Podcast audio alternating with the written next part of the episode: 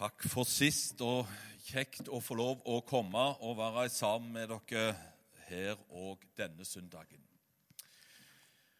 Og så eh, ble jeg aldri så lite misunnelig på de som skulle til Kenya. Det må jeg bare si. Så eh, ønsker dere Guds velsignelse og lykke til i tjenesten i Sånn. Lykke til i tjenesten uh, i uh,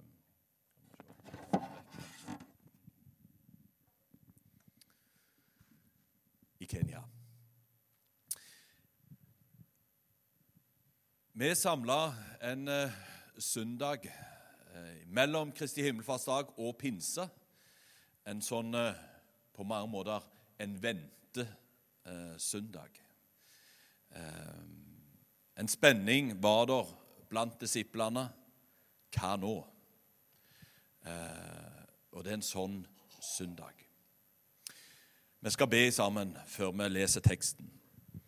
Kjære Jesus, vi takker deg for det at vi får lov å samles i ditt navn, med den forvissning om at du er her midt iblant oss. Vi ber, Herre Jesus, tal til oss gjennom ditt ord til trøst, til tukt, til oppbyggelse og til hjelp på veien hjem imot det himmelske land.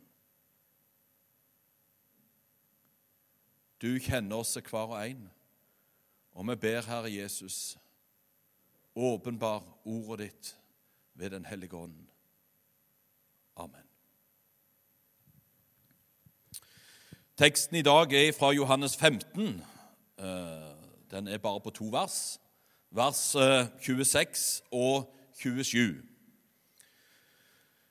Eh, vi leser Jesu navn. Når talsmannen kommer, han som jeg skal sende dere fra Faderen, sannhetens ånd, som utgår fra Faderen, da skal han vitne om meg.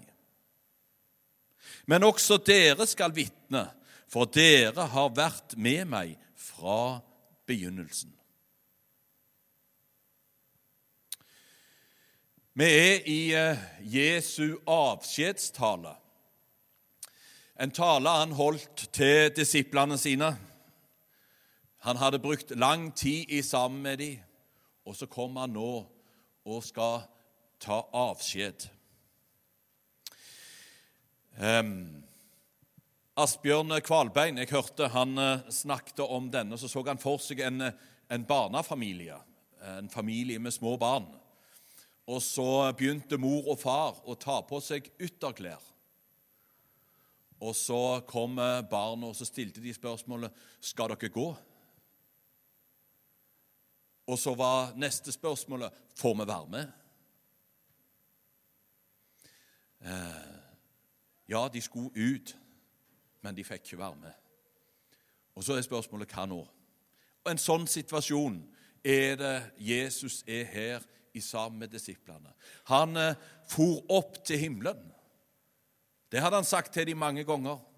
Han skulle det. Og så er det nå han kommer med et trøstens ord.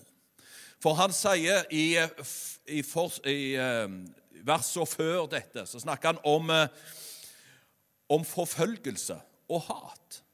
De har forfulgt meg, sa han. De har hata meg. Ja, det kommer de til å gjøre med dere òg. Dere kommer til å få ei krevende, ei vanskelig tid. Og så sier han, men eh, talsmannen kommer. Og det er en eh, setning som, eh, som ligger i kapittelet etterpå, i kapittel 16, vers 7, som, som eh, har vært veldig god for meg. For, han, for der trøster han disiplene sine. Og så sier han det er til gagn for dere at jeg går bort. Det er til fordel, det er til det beste for dere at jeg går bort. Og I den sammenhengen så snakker han om, om mange ting. Han snakker om eh, i Johannes 14, og så begynner han med 'Jeg går bort for å gjøre i stand et sted for dere'. Og når jeg har gjort i stand et sted, så kommer jeg igjen for å ta dere til meg. For at dere skal være der som jeg er. Og så sier han det at 'jeg ber for dere'. Jeg går i forbønn, jeg sitter ved Faderens høyre hånd. Og så ber jeg for hver enkelt. Og så eh, er det kanskje det som òg for min del har blitt så trøstende. I 1. Johannes brev kapittel 2 så står det om eh, og I begynnelsen der kapittel 1, nei, vers 1 så står det at, at han taler Han taler min sak framfor Gud. For det står Og hvis noen synder, så har vi en talsmann hos Faderen, og han taler menneskets sak framfor Gud. Det er til gang, det er til fordel. Men så sier han men det er til fordel for de, i vers 7 For dersom jeg ikke går bort, kommer ikke talsmannen til dere. Men går jeg bort, da skal jeg sende ham til dere. Talsmannen. Hvem er han? Hvem er talsmannen? Han er Den hellige ånd. Ja, ja, hva er det? Hva er Den hellige ånd? Det er en person. Det er en person i den treenige Gud. Eller kanskje vi skal kalle det som, som, eh, som en sa, den treene Gud. For det er ikke tre stykker som ble enige om en ting. Fant ut noe lurt i sammen. Nei, de er, de er én. Treene Gud. Det er én Gud, som Gud, Jesus og Den hellige ånd. Og i Matteus, eh, Matteus 5 eh, så leser vi Matteus 3, mener jeg. Matteus 3, så leser vi om eh, når Jesus eh, ble døypt av Johannes i Jordanelva ved Jeriko, eh, så, eh, så skjedde det noe helt spesielt. Dere ser for dere eh, de av dere som har vært og sett ved elva den, den eh, som renner forbi, der Jesus stiger ned på mange måter i et hav av synd. Og så blir det den motsatte dåp, der Jesus stiger ned, der det flyter av alle synder som har blitt døypt av Johannes, til omvendelsesdåpen. Og, og så stiger Jesus opp igjen med all verdens synd på seg. Og så står det da i eh, vers eh, 16 i Matteus 3. Da Jesus var blitt døpt, steg han straks opp av vannet, og se, himmelen åpnet seg for ham.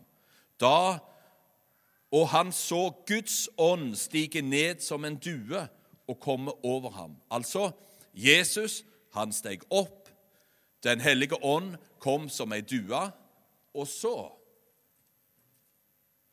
Og se, det lød en røst ifra himmelen. Dette er min sønn, den elskede. I ham har jeg velbehag. De var der alle tre. På ett øyeblikk til stede. Den treene Gud. Og de var der for å ære Han som tok all verdens synd på seg.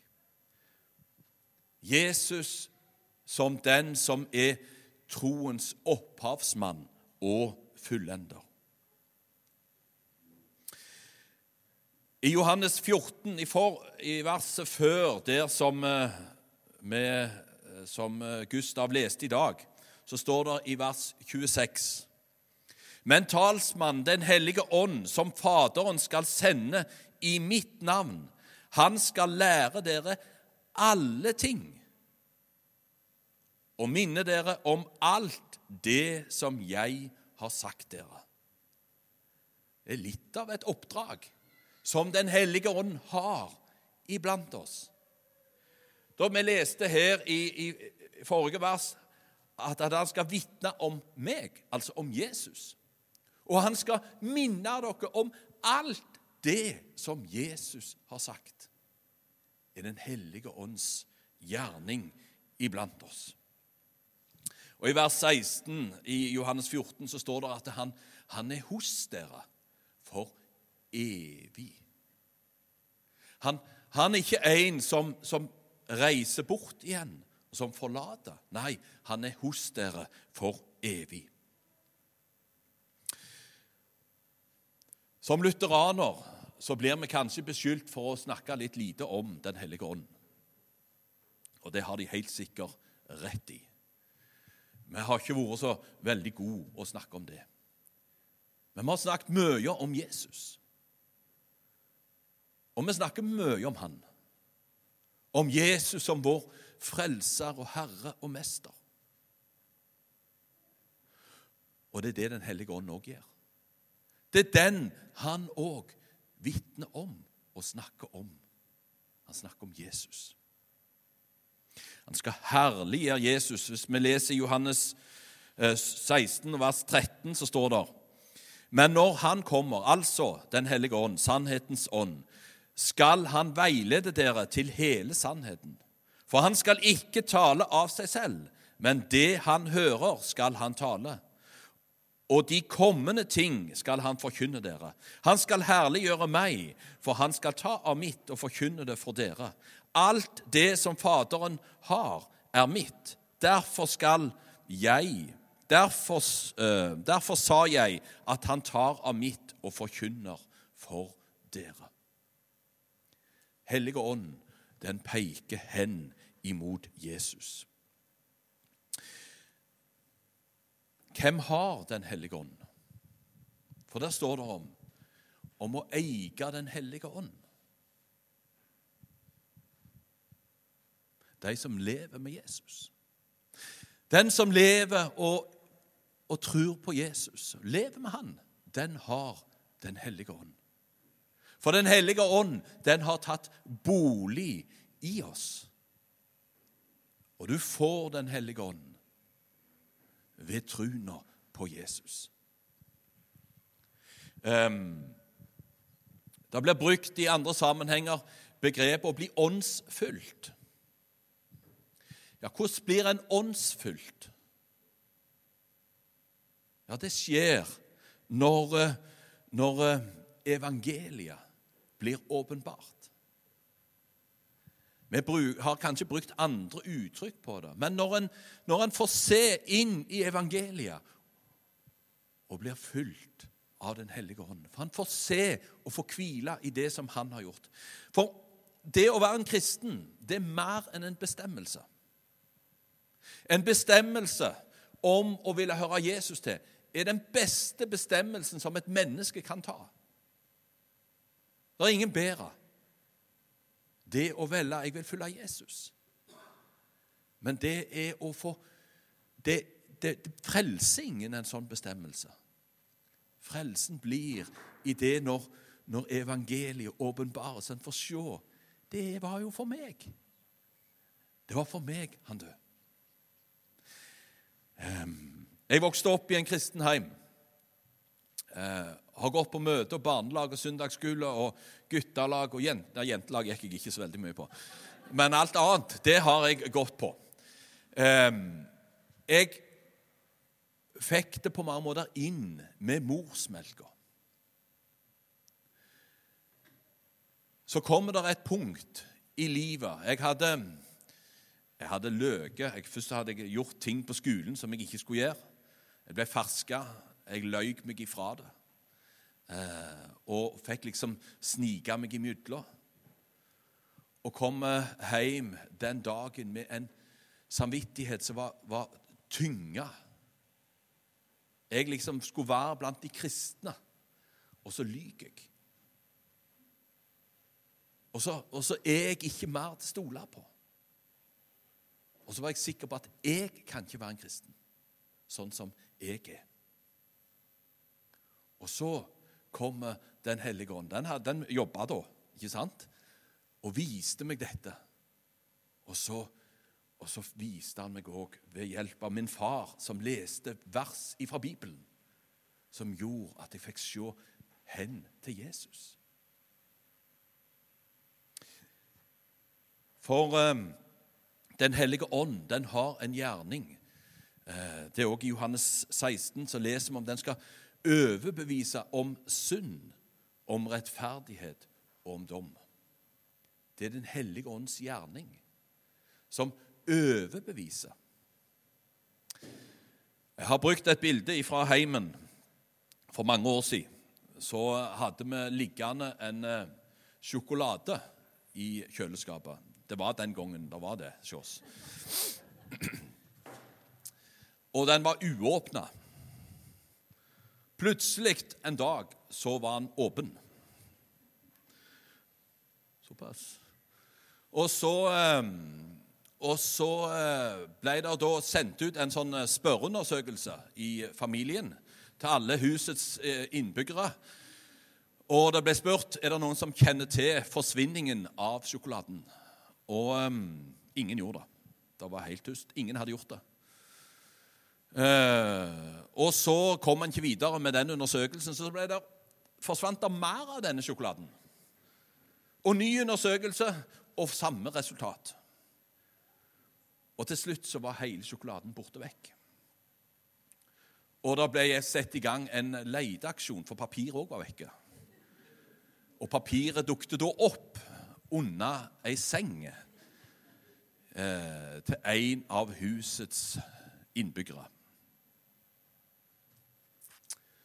Og eh, bevis ble lagt fram, og rettssaken sto og avsløringen var et faktum. Og um, eieren av senga sier da um, med litt gråtkalt stemme så kom der en erkjennelse. Det var meg. Det var jeg som har gjort det. Eh, og det øyeblikket der det ble avslørt, og det ble, det ble godt igjen. Det som hadde egentlig vært vondt. En hadde på en måte balt på seg med noe som Han tok noe han visste han hadde ikke lov, og så begynte han å lyge. Og så, og så balte dette på seg, og så ble det vondt. Og når da avsløringen kom, Den hellige ånds gjerning, som overbeviste om synd og viste rettferdighet. Det ble godt. For en kan tenke altså at overbevisning om synd, det, det, er, det, er jo, det, er, jo, negativt. Ikke kom og prikk i mitt liv. Ikke kom og ødelegg den livet mitt. Ikke, ikke kom på baksida av det som ligger inni ikke meg. Men Helligånd, den, den har noe han vil vise, for han vil vise deg veien til himmelen. Og da må han peke hen på Han som er rettferdigheten, Han som er frelsen og gleden og det som en eier i Han. Um, det er noen ganger jeg ber Kanskje har det vært tidligere, for jeg har blitt litt mer obs og observant på det. Jeg ber om å få mer av Den hellige ånd. Går det an? Eh, vi sa at Den hellige ånd er en person. Vi kan si i noen sammenhenger at, eh, at det er noen som det blir litt mye av. Noen personer, noen som gir litt mye av seg. ikke sant? At det ble vel mye, mye den og den personen. Det kan vi si. Men sånn rent sånn så er det bare, det er bare én person om man veier 50, 70, eller 80 eller 100 kilo, så, så, er det allikevel det er den personen. Det er ikke mer eller mindre av den personen. Enten så har du Den hellige ånd, eller så har du ikke Den hellige ånd. Men når da Efeserbrevet bruker uttrykket 'bli fulgt av Ånden', hva ligger der da i det?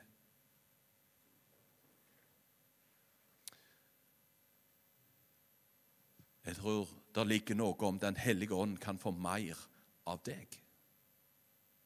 Få mer rom og få mer plass i ditt liv. Hva fyller vi oss med? Hva er det som ligger på inn her? For hva bruker Den hellige ånd? Den bruker først og fremst Guds ord. Den taler gjennom sitt det ord, Bibelens ord som vi har. Og Jeg hørte her en, et sitat av den danske bibelskolerektoren Hans Erik Nissen. Han sier å forsømme Guds ord blir ikke sett på som synd. Likevel er det det som har ført flest folk i fortapelsen. Forstømmelsen av Guds ord. For Den hellige ånd, den taler til oss gjennom sitt ord. La ordet få tale inn i ditt liv og få plass i ditt liv. At du får eie Han. At Han får vise deg synd, rettferdighet.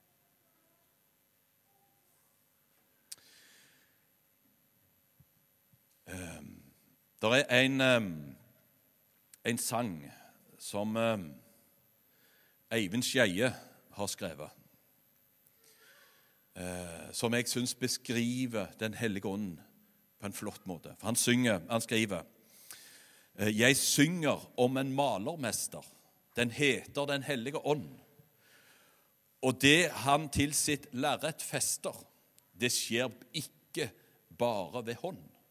Han maler på, sitt, eh, på ditt hjertes tavle de vakreste motiv. Og når du har sett Helligåndens portrett, da har du evig liv. Hva er det han maler? Jo, han maler stille i ditt hjerte, med penselen blodig og rød, et bilde av den store smerte som Jesus på kors, av Jesus på korset som død. Han tar, uh, han tar uh, Så tar han Jeg skulle hatt brillene, jeg òg. Så tar han fram de gylne farger. Da stråler hans motiv. Ja, når du har sett Helligåndens portrett, da har du evig liv. Han risser opp en tårnekrone for det som en gang skulle skje, da Jesus ville alt forsone og hang på forbannelsens tre. Blant roser springer fram en torne. Slik er din venns motiv. Ja, når du har sett Helligåndens portrett, da har du evig liv. Jeg synger om en malermester. Han skaper sitt bilde med hånd. Og det han til sitt lerret fester, er gjort med Guds mektige hånd. Ditt hjerte er hans egen tavle, og Jesus er hans motiv. Og når du har sett Helligåndens portrett, da har du evig liv. Portrettet av Jesus, som Den hellige ånd maler opp for deg for at du skal få se Han og få hvile i Han og i det som Han har gjort. For Helligånden, den vitner om Han. Så til det andre verset i teksten. Men også dere skal vitne.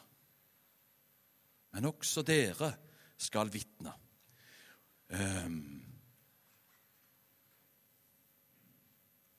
Et oppdrag som lyder til alt troens folk om å vitne om Jesus og peke på Han.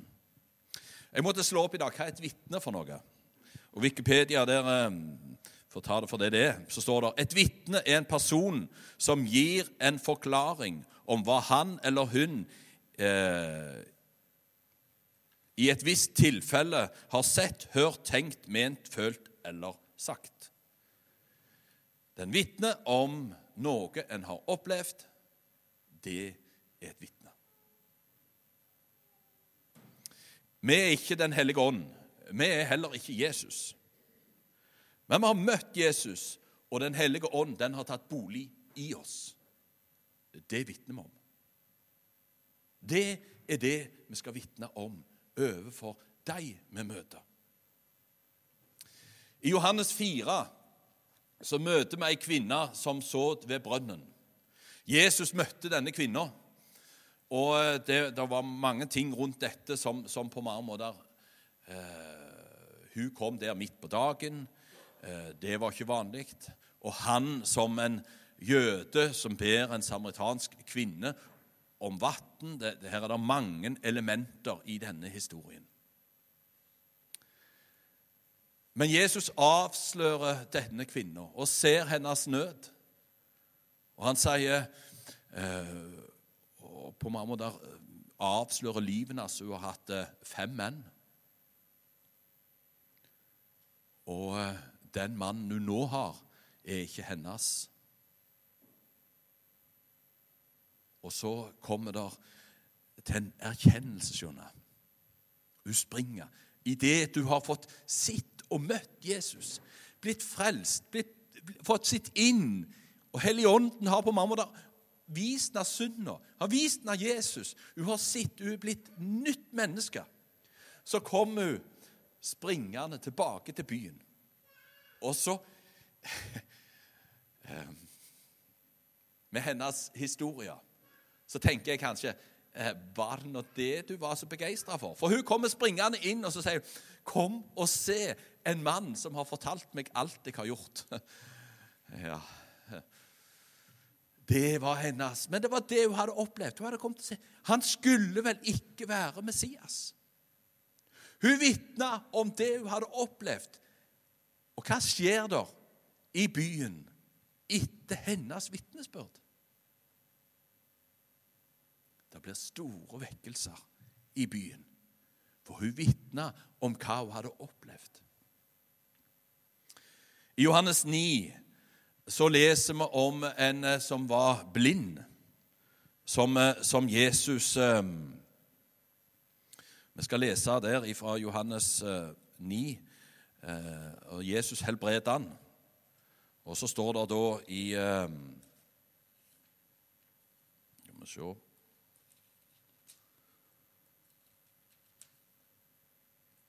i vers 24 skulle vi begynne. Der leser vi eh, Dette her gikk jo ikke upåakta hen. Og så står det De kalte da for andre gang til seg mannen som hadde vært blind, og sa til ham Gi Gud ære, vi vet at denne mannen er en synder. Han svarte da, Om han er en synder, vet jeg ikke. Ett vet jeg, at jeg var blind, og nå ser jeg. De sa til ham, Hva gjorde han med deg? Hvordan åpnet han øynene dine? Han svarte dem, Jeg har allerede sagt dere det, og dere hørte ikke på det. Hvorfor skal dere høre det nå igjen? Kanskje også dere vil bli disiplene hans. Hva vitner han om?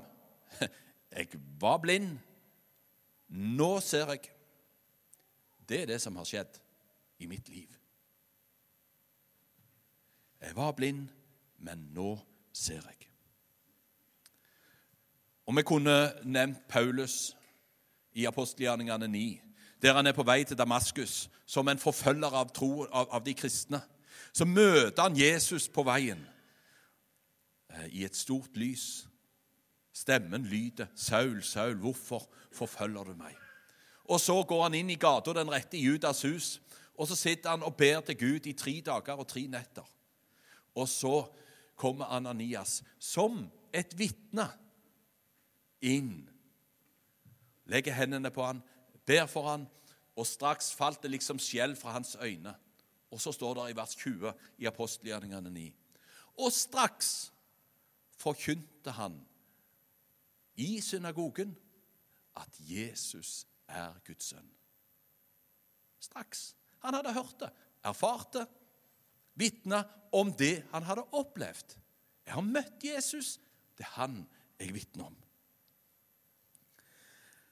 Så tenker jeg noen ganger eh, vi kanskje står i fare for å eh, argumentere for Bibelen. Vi kan òg eh, tenke at vi må forklare alt.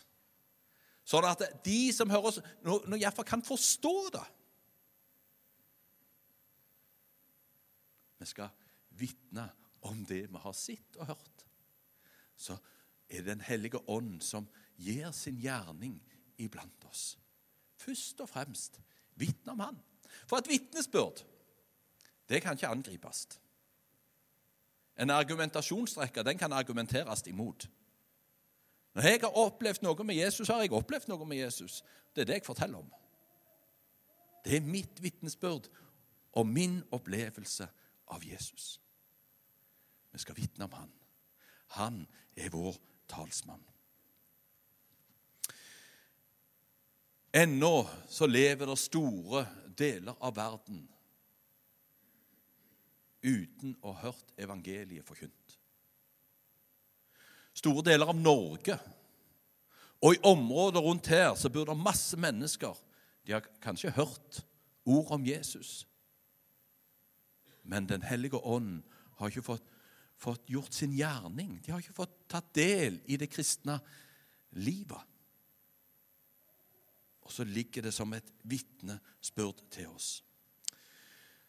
Siden vi var litt i Kenya her eh, Marianne og meg var i Kenya i 2000. Eh, og 2020, mener jeg selvfølgelig. Det er ikke så lenge siden. 2020, I starten av eh, korona, rett før koronaen kom. Og Der møtte vi ei dame eh, som eh, var en somaler som var blitt frelst. Hun har møtt Jesus eh, gjennom våre utsendinger eh, i, eh, i, det området som, som de bodde. Og vitnesbyrdet fra våre utsendinger først og fremst det var, ikke, det var ikke ord. Men det var hvordan mannen var mot kona si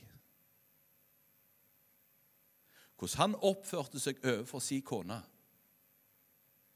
det var det som var det første vitnesbyrdet som lydde til denne dama. For hun hadde det ikke sånn. Og så, Når de har det sånn, så må det være noe annet. Og så var det den første inngang. Og så fikk de samtaler, og de fikk eh, komme til Guds ord og fikk forkynne. Og så og så har hun hatt et trøblete liv, og har det ennå. Et krevende eh, liv. Men så sier hun For det var snakk om om de skulle eh, flykte, altså hun skulle reise vekk derifra og bo i en annen plass. Nei, men det er ikke meg det er farlig for, sier hun. Og jeg har fått møtt Jesus, jeg er berga. Men de som lever i min familie, de andre som bor her, de har ikke fått møtt Jesus. Jeg må få, få være et vitne her med mitt liv. Også dere skal vitne. Kjære Jesus, takk for det at du eh, er verdens frelser. Takk for at du er min frelser. Takk for at du gikk veien om Golgata. For meg og for hver og en så ber vi, kjære Jesus, stell du med oss. Hold du di hånd over oss hver og en. Vi ber om å få leve i velsignelsen med våre liv. Og la oss få være lys og salt i og med at vi har Den hellige ånd boende i oss. I den verden, i møte med de folk som vi treffer på. Vi legger hver og en i dine hender, i ditt navn. Amen.